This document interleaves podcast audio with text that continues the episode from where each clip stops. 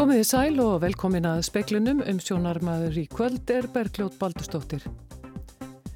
Íbúafundur stendur nú yfir á Flateyri og annar verður haldin í Súðavíki kvöld vegna snjóflóðana sem fjallu í liðinni viku.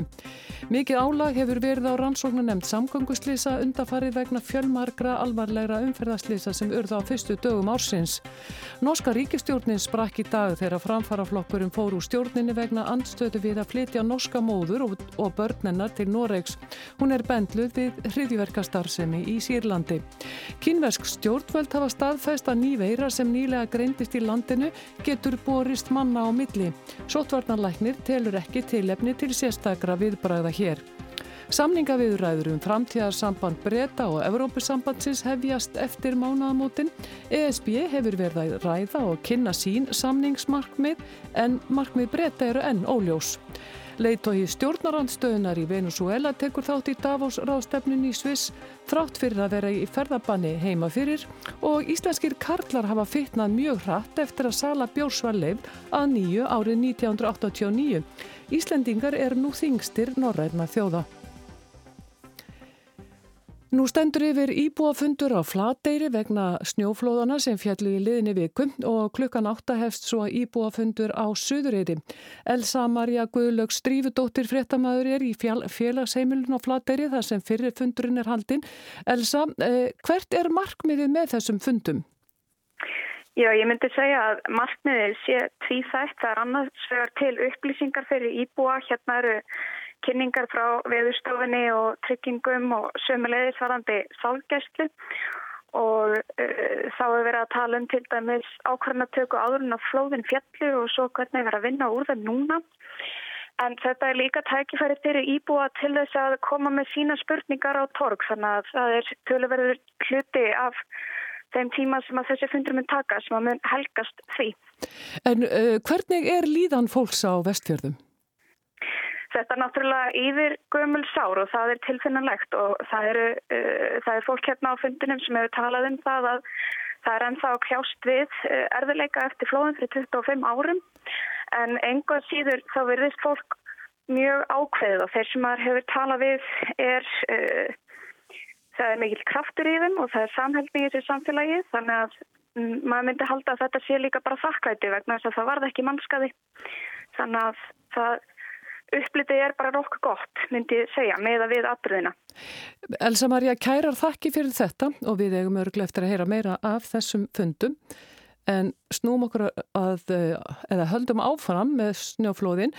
Ekki er tímabært að segja til um rúmmál snjóflóðana á flateri. Mest er flóðið um 5 metra djúft, svo kallað skopp skopplag sem er ofan á þéttum kjarnasnjúflósins fór yfir varnagarðana. Fjögur að metra hátt stálmastur sem var uppi á garðunum brotnaði. Krafturinn sem þar til þess jafngildir þingd alltaf tíu fólksbíla. Kristín Marta Hákonardóttir, snjóflóðaverkfræðingur, segir að það sé mikið áhugjefni. Og það er rauninni greiðlegt áhugjefni hversu mikill hérna, kraftur var í því. En, en hann virðist hins vegar sko eigðast mjög hratt þegar þetta sköplaði komið yfir, yfir hérna gardin þá er í raunin ekki þungi kjarnin í flóðinu að íta því áfram. Finnst þér til með til að breyta gardunum? Sko það verður skoðað, veist, það er tæknilega hægt að hækka þá, um, það er tæknilega hægt að kannski breyta þvergarðinum á milligarðana, mögulega breyta einhverjum stefnum á neðri hluta leiðigarðana. Það sem má líka skoða og verður skoðað er hvort að keilur ofan við báða leiðigarðana geti broti flóðið upp og þannig haft áhrif á, á hérna, þessa þrýstibilgi sem ferðast undan flóðinu og þetta skoplaði ofan á því. Og þetta var Kristín Marta Hákonadóttir, Hólmfríður Dagni Fríðjónsdóttir talaði við hana. Margir hafa slasast alvarlega í umferðarslýsum í byrjun þessa árs og mikið álag hefur verið á rannsóknar nefnd uh, eh, samgönguslýsa. Sævar Helgi Lárusson, rannsóknarstjóri hjá nefndinni, segir að þessir fyrstu dagar ársins hafi ekki verið góðir í umferðinni. Þeir hafa bara verið erfiðir. Akstursaðstæðar hafi verið reynd útsatt slæmar, hver læðin að fætur annari gengið yfir landið og fjölmörg alvarleg slýs með fjölmörgum slösuðum sem hafa orðið. Er þetta óvinju mikið? Já, þetta er, hafa verið ansi mörg slis og kannski meira heldur en vennilega. Telið að fólk svona almennt bæði útlendingar og íslendingar séu of dugleir við að fara út að keira í alls konar veðrum? Já, það getur oft verið erfitt að átta sig á breytilega viðus á jafnvel stuttum veðköplum. Það getur verið þokkalega gott inn í bænum en svo er það snar vittlust upp á sandskeiða kjálunesi og það er fyrir mjög marga kannski erfitt að, að, að lesa í viðfarið á Íslandi. Sagði Sævar Helgi Lárusson í viðtali við Jóhann Bjarnar Kolbensson. Kínversk stjórnvöld hafa staðfest að ný veira sem nýlega greindist í landinu getur borist manna á milli. Á annað hundrað hafa síksta veirunu og þrýr látist. Upptök síkingarinnar eru rækinn til fiskmarkaðar í borginni Wuhan í söðurluta Kína og hafa flest tilfellana greinst þar í borg. Kínverska nýjárið er handan við hornið og margir á faraldsvæti en stjórnvöld segjast hafa stjórn á aðstæðum. Þórólfur Guðnarsson, sóttvarnarlæknir, segir ekki ástæði til að grípa til sérstakra aðgerða hér vegna veirusíkingarinnar? Að ef að veir, veirur breyta sér að þann hátt að þær smítist auðveldlega á milli einstaklinga og eru auk þess mjög alvarlegar og, og með hátt ánarhlutfall að þá eru við komin í, í svona e, nýjan veruleika sem að þarf að, sem að, þarf að bregðast við en við erum ekki þar með þennan sjúkdóm eins og staðan er núna. Nánar verður fjallaðum veirusíkinguna síðar í speklinum. Juan Guaidó, leðtogi stjórnarandstöðunar í Venezuela, hegst sitja efnagsráðstefnuna í Davos í Sviss síðar í þessari viku. Síðar í dag hitti hann Mike Pompeo, utaríkisráð þeirra bandaríkjana í Kolumbíu. Guaidó hefur líst sig forsetta Venezuela til bráðabyrða. Stjórn Nicolás Armaduros forsetta hefur sett hann í ferðabann en eigið síður byrtist hann í gær í Bogota í Kolumbíu þar sem Ivan Duque forseti tók á mótónum með viðhöfn sem sæmir þjóðarleið tóka. Eftir fund með Mike Pompeo flýgur Guaidó til Evrópu. Stalin González, samherji hans á venezuelska þinginu, greindi frettamanni AFP frettastofunar frá því í dag að hann tæki þátt ít árlegri efnahagsráðstöfnu í bænum Davos í Sviss. Þá hittir hann Jósef Borrell, utanríkismála stjóra Evrópusambandsins að máli í Brussel á miðvíkudag. Yfir 50 ríki viðurkenna Juan Guaidó sem hinn réttmæta þjóðarleðtóa í Venezuela, þar á meðal flest ríki í Rómansku Ameríku. Hann hefur verið í ferðabanni frá því í februari fyrra. Egið síður fór hann í fyrra til nágrannaríkjana og falaðist eftir mannúðaraðstóð vegna sveltandi landa sinna. Hérinn í Venezuela kom í vekk fyrir að hún kæmist á leðarenda. Ásker Tómasson saði frá. Íslendingar eru þingstir norrætna þjóða og hafa fittnað mjög hratt á síðustu árum. Svo virðist sem íslenskir karlar hafi fittnað mjög hratt á árunum eftir að sala bjórsvæli við að nýju árið 1989. Efnaskipta dúettin Offitta og Sikursíki 2 var yfirskrift opnunar fyrirlestrar læknadaga sem hófust í morgun. Fyrirlesari var Tór Aspelund, professor og tölfræðingur hjá Hjartavend. Hann segir að skýrt samhengi sé á milli offittu og síkursíki 2. Aukningin allavega hefur farið sko saman og þegar maður skoðar bara algengið eftir þingdini mm. þá eikst það mjög rætt sko. Já. Þannig að þetta er þarna alveg mjög skýrt samband. Tór segir að Íslendingar hafi fittnað mjög hratt á síðustu árum. Þetta er bara mjög röð aukning og við vorum sko hérna millir 60 og 70 þá voru Íslingar svona jafnað emiðaltali í kjörþing bara mm -hmm. svo líður tímin og þetta fer ekkert rosalega rætt sko svo gerist eitthvað svona 80 til 90 fyrir þetta aðeins að stað og svo eftir 90 þá fyrir þetta svona mjög hrætt upp sko. Hann segir að tilgáta sig á floti um að íslenskir karlar hafi farið að fitna mjög mikið í kjölfar þess að Sala Bjórs hafi verið leið hér á landi árið 1989. Við höfum haldið að kannski að karlarnir hafi tekið aðeins forskot þarna á bjórdrykk, í bjórdrykkinni. Tór segir að bandaríkjamenn séu þingstir allra þjóða. Íslandingar eru hins vegar þingstir Norðurlanda þjóða. Við erum nefnilega, held ég, í skammakróknum af Norðurlandunum. Já. Við erum þingst. Já. Við erum svona meira eins og englendingar.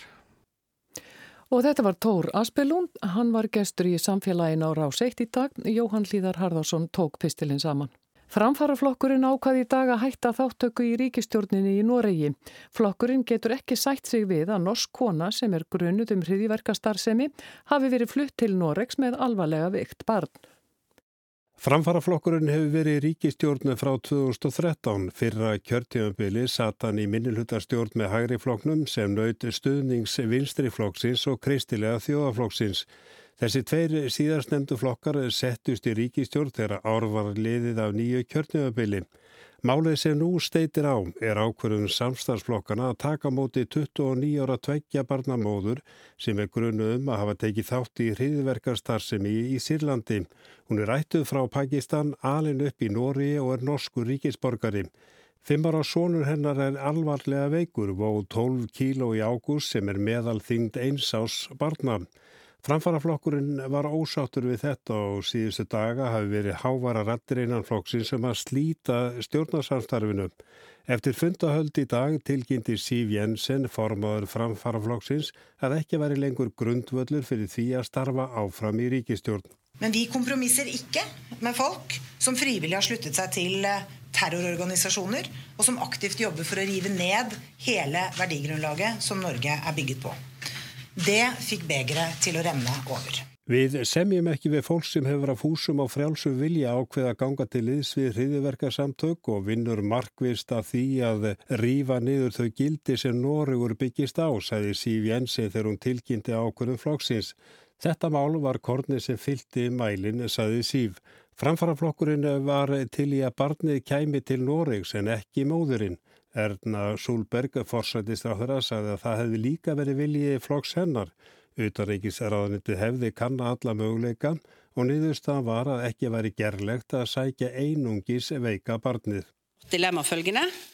Hente hjem sykt barn med mor, eller risikera að en norsk syk femårig gutt skulle dø. Vandamál okkar var annarkort að sækja móður með veikt barn eða hætta á að norskur fimmar og drengur myndi degja, sagði Erna Súlberg. En hver er staða norsku ríkistjórnarinnar en nú þegar framfaraflokkurinn er farin úr stjórninni? Gísli Kristjánsson í Oslo hefur fyrst með málunum.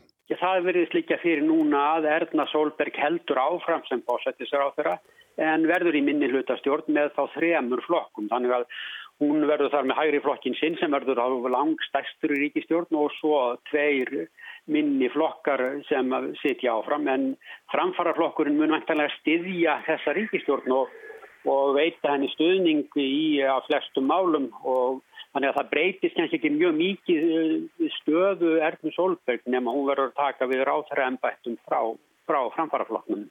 Og það er rétt að taka fram með að í Nóri þá er bara kosið búntur eh, basta á fjögrara fresti, það er ekki að eh, kjósa núna. Það er ekki hægt að senda máli til þjóðurinn og byggja um nýtt umboð. Það kjörtjánbil er alltaf fjögur ár og það er ófrávíkjanlegt. Þannig að stjórnin situr þessa já, eitt ár og nýju mánuði sem eftir eru fram að kostningum og, og þá sem minni hluta stjórn. En hvers vegna hefur þetta tildegna mál valdi svona miklum týtringi? Þetta náttúrulega hefur, er svona prinsipmál fyrir mjög marga menn í, í framfarafloknum og það virðist eins og Sif Jensen hafi ekki átta sig á andstöðun í flokknum. Hvað þetta var, já, heftin var mikil þegar þetta kom upp. Ég er raun og veru var búið að ákveða úrlausn þessa máls var ákveðin í oktober í fyrra og, og var ekkert um það rætt að þessi kona og hennar tvö börn myndu vera flutt heim um leið og, og friður væri í Sýrlandi til að ná þeim út sko. En svo um leið þetta fréttist í fyrir viku þá, þá bara trillast menn í flokknum sérstaklega út á landi og, og hafa eitthvað stórar yfirlýsingar um að það sé geta sitja í stjórn sem að stiðji hriðjuverka fólk. Þannig að þetta er, þetta er miklu, já, hitin í málunum verður miklu meiri en Sif Jensen áttaði sig á í upphafi. En svo verist verið svo að þetta sé drópin sem fylgti mælin að Sif eh, Jensen á Bladmannafundi talaði um að það hefði verið orðið ómikið að mála miðlunum.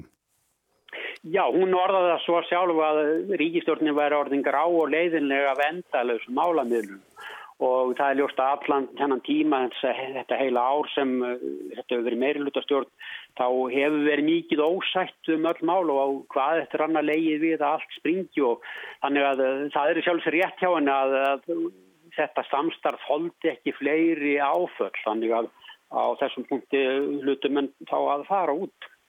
En veist þú eða vita menn hvað verður um uh, já, móðurbassins og uh, vantarlega barnið komið undir í læknisendur?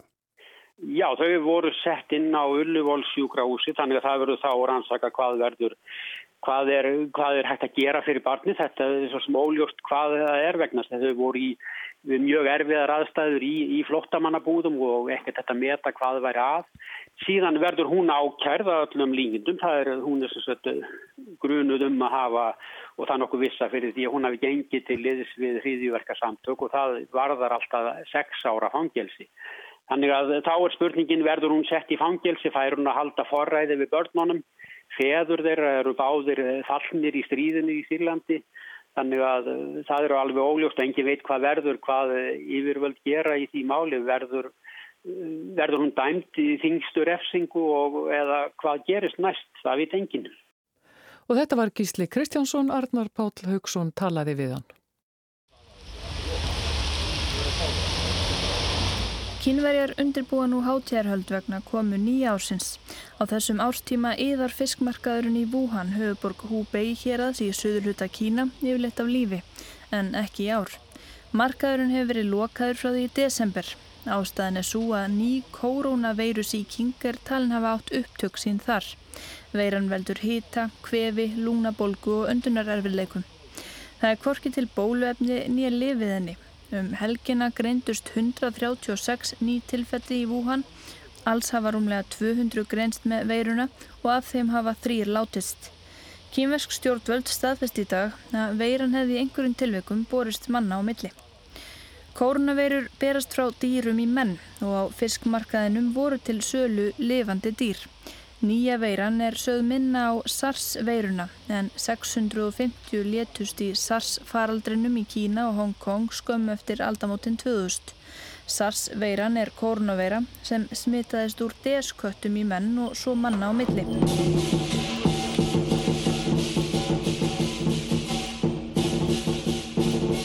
Nýjárið gengur í garðan 25. janúar. Nýjársháttíðin er fjölskylduháttíð, miljónir kínverja leggja þessa dagana land undir fót, fara heim í hér yfir háttíðinar. Þau sem voru á heimferði í dag voru mörg hver með grímu. Lestirnar eru jafnan tróðfullar og margar þeirra stoppa í Wuhan sem er 11 miljónamanna borg. Þá sapnast fjöldi fólks saman yfir háttíðinar til að fylgjast með skrúðgöngum með tilkomu miklum furðuskeppnum. Þetta er ákveðið áhyggjöfni. Flest tilfellana hafa greinst í Wuhan en veiran hefur líka greinst í öðrum borgum svo sem Peking, Shanghai og Shenzhen. Þá hafa tilfelli greinst í Tælandi, Japan og Suður Kóru. Stjórnvöldi Kína segjast hafa stjórn á aðstæðu. Spítalar hafa gert ráðstafanir og heilbriðisráð kýmverskra stjórnvalda hefur sendt teimi til allra héræðalandsins í því skinni að hamla útbreyslu. Á nokkrum flugvellum og lestarstöðum eru farþegar skimaðir fyrir hýta eða hvef einkennum. Þá hafa verið teknar upp skimanir á flugvellum í nokkrum nágrannaríkjum og nokkrum borgum í vandaríkunum. Þórólfur Guðnason sótarnalæknir vaktar útbreðslu síkingarinnar en telur ekki teilefni til að örvænta. Það er eftir að komi ljós hversu skæð síkingin sé.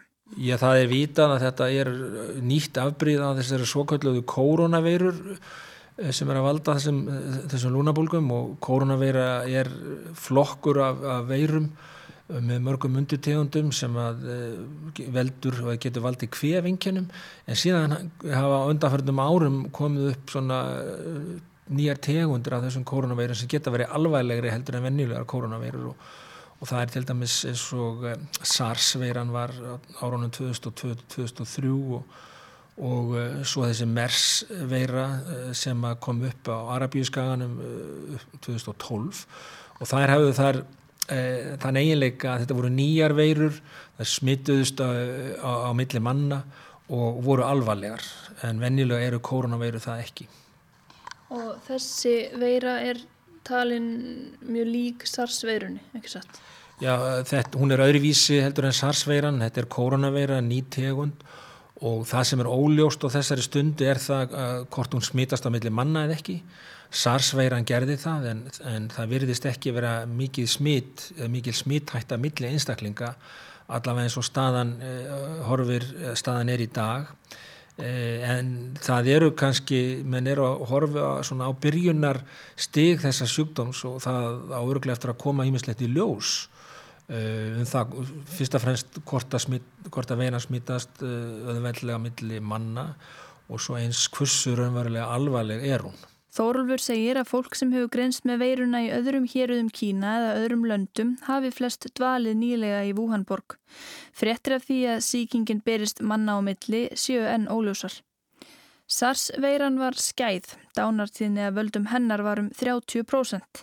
Þórólfur segir ekkit benda til þess að dánartíðni að völdum nýja sjúkdómsins sé sambærileg og þó í ljós komið hann smitist millir manna þurfið það ekki að vera áhyggjöfni í sjálfu sér. Þó hann smitist auðvendlega millir manna eins og venjulegar koronaveirur gera, þá þarf það ekki að þýða neitt sérstaklega. Þó að nokkri einstaklingar eh, veikist alvarlega þá gerist það með fjölda margar aðrar veirur Eh, hins vegar þarf að skoða bæði eh, þá stöðu að hvort að veiran smítist öðveldlega millir manna og hvort hún er að valda mjög alvarlegum eh, einkennum eða útkomi eins og dauða til dæmis, þá það, það væri mjög alvarlegt en þetta á eftir að, að, að koma betur í ljós. Það er enþá staðfest döðsföll að völdum þessari veiru þannig að en það er... Sjórun þrjú núna? Já, vafalust og kannski eru þau fleiri en, en hvort eru tvöð og þrjú að það skiptir ekki öllu máli, það, það er ekki mikill fjöldi miða við döðsföll almennt af völdum smittsjúkdóma en, en þetta þarf bara að skoða þetta aldrei betur.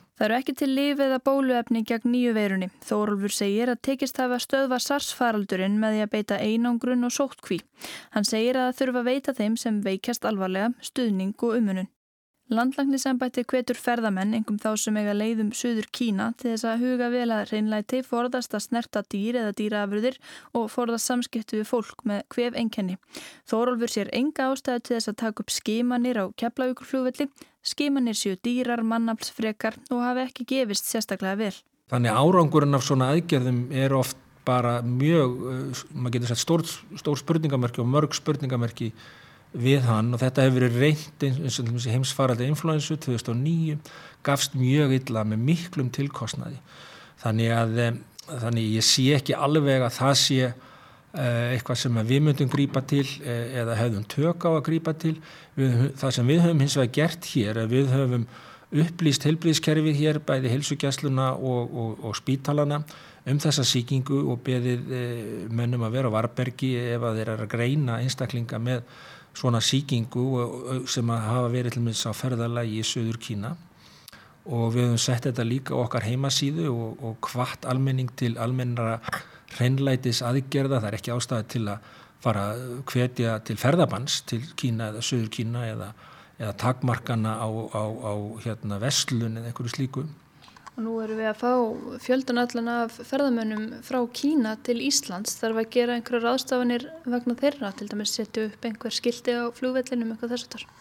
Nei, það finnst mér ekki. Mér finnst engin ástæða á þessu stíi að vera að fara út í einhverja svona dramatískar aðgerðir. Ég meina Kína er stórt land og þetta er mjög lítill hluti af Kína og, og kínvesku svæði þannig ég til ekki ástæðu þessu stíi að, að fara út í eitthvað slíkt eh, nema að, að staðan breytist eitthvað og sjúkdómunum verði eitthvað í nöruvísi.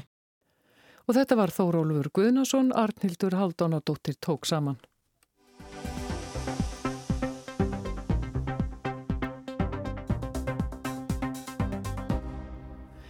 Verður fljótlegt og einfalt fyrir breyta að semja um framtíðarviðskiptin við Evrópusambandið eða verður það seinlegt og flókið?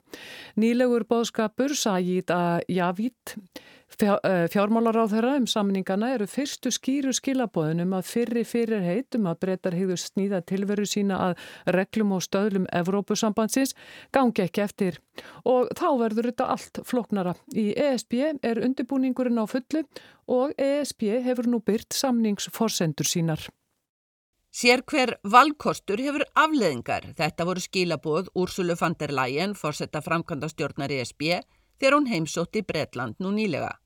Val breyta snýst í megin aðtröðum um hvort er allir að halda sig við regluverk ESB og eiga þar með kost á hindrunarlösum viðskiptum án totla og kvóta við þessa stærstu viðskiptablokk sína eða gera hlutina allt öðruvísi, fjarlægast þar með ESB, missa tollfrelsi og viðskiptafrelsið en róa í staðin á ný og ókonnuð mið. Eftir skilabóði allar áttir veitir nýlegt viðtal við Sajid Javid, fjármálaráþara í breskablaðinu Financial Times, fyrstu óegjandi vísbendinguna um Brexit stefnu stjórnarinnar. Nei, ekki stemt á nánt við ESB-regluverk og staðla. Og já, Javid er vel meðvitaður um að það muni bytna illa á ýmsum fyrirtækjum og atvinnugreinum. Þannig sé þetta bara, sumir græði á Brexit, aðri tapi. Það er til dæmis ljóst að þessar horfur eru fjarrri óskalista matvæla yðnaðurins breska sem bendir á að matvæla verð muni þá óhjákvæmulega hækka.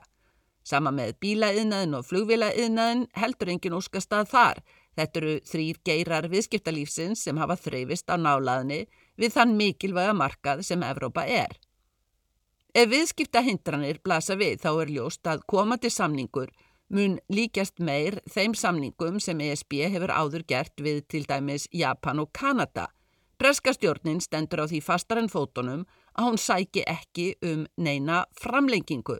Það verði að ljúka samningum fyrir áslokk þegar aðljóna tímanum eftir útgönguna líkur og það þó viðskipta samningar síu fjarska seinleir samningarna við Japan og Kanada tóku um nýju ár. En hvernig er þá hægt að stefna á seinlögulegina en samt að klára samninga fyrir áslokk? Fræðilega séð væri það mögulegt, þá er þau samningarnir til dæmis hvorki yfirgripsmiklir nýja djúbstæðir heldur útlínur sem síðan þetta fyll út í, sem fellur tæplega að raunveruleikan við landamærinum næstu áramót að tollnúmerum og tollskrám og vörum sem fara fram og aftur yfir landamærin. Annar möguleiki sem Boris Jónsson fórsætsráþra nefndi í viðræðin við Fanderlægen er að forgangsraða og semja í áfengum. Sund kláraðist á árinu annað síðar en aftur erfitt að sjá þetta í framkvæmt og í viðbútt heldu breytar þá í það sem er höfðu sem ESB-ríki en hafa svo að hluta aðra samninga og það sem kannski skiptir ESB mestumáli Brettar væri þá frjálsir að því að gera nýja viðskiptasamninga, til dæmis við Bandaríkin og Japan, tvö stór bresk hagsmunumál. Þetta væri kannski hættulega nála því sem ESB hefur reynd að forðast í lengstu lög, að brettar plokki út það besta. ESB ætlar ekki að gera úr brettum fyrirmynd í því að yfirgefa ESB, sleppa ESB skuldbindingunum en halda kostunum. Þetta gengi einni gegn því sem lengi hefur gilt í til dæmis aðeldarsamningum ESB eins og Íslandingar þekkja og reyndar í viðskiptasamningum yfirleitt að ekkert er samþygt fyrir en allt er samþygt.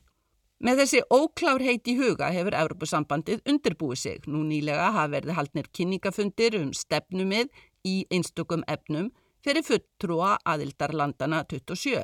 Allir þurfa að vita hver í gangi gagsægi algjörnuðsinn. Útgöngusamningurinn reyndist bretum erfiður, ekki ESB. Nú gæti reynda á samheilni ESB-ríkjana þegar og ef hagsmunir aðildarlandana varðandi framtíðarviðskipti stangast á. Þá reynir á hvort grunnatriðins og fjórfrelsið vegi upp á móti slíkri tókstreitu og önnur sjónarmið eins og örgismál. Framkvæmdastjórnin byrtir líka kynningarefnið um almenn viðmið og svo í einstökum efnisflokkum eins og orkumálum, samgöngum, stjórnarháttum og áhugefni Íslandinga fiskveiðum. Varðandi fiskveiðkynninguna var tekið eftir að sá kynningafundur kuð hafi verið stuttur sem gæti þýtt að fiskveiðlönd ESB séu samstiga. Samkvæmt kynningunni vill ESB ræða sjáurútusmál í samhengi við vöruviðskipti Það er engin spurning að ESB vil halda í þann kvóta sem ESB-lönd hafa þegar í breskum sjó, eða fái breytar ekki aðgangað Evrópumarkanum sínum stærsta markaði fyrir sjáarafurðir. En líka þegar ég helst að koma sjárútvers viðræðunum frá fyrir 1. júli í ár, sem væri auðvelt ef báðir samningsaðilar eru sammála, annars ekki. Og þetta var Sigrún Davíðstóttir. Eh, fleira er ekki speiklinum í kvöld. Tæknimaður var Magnús Þorstein Magnússon. Verði sæl.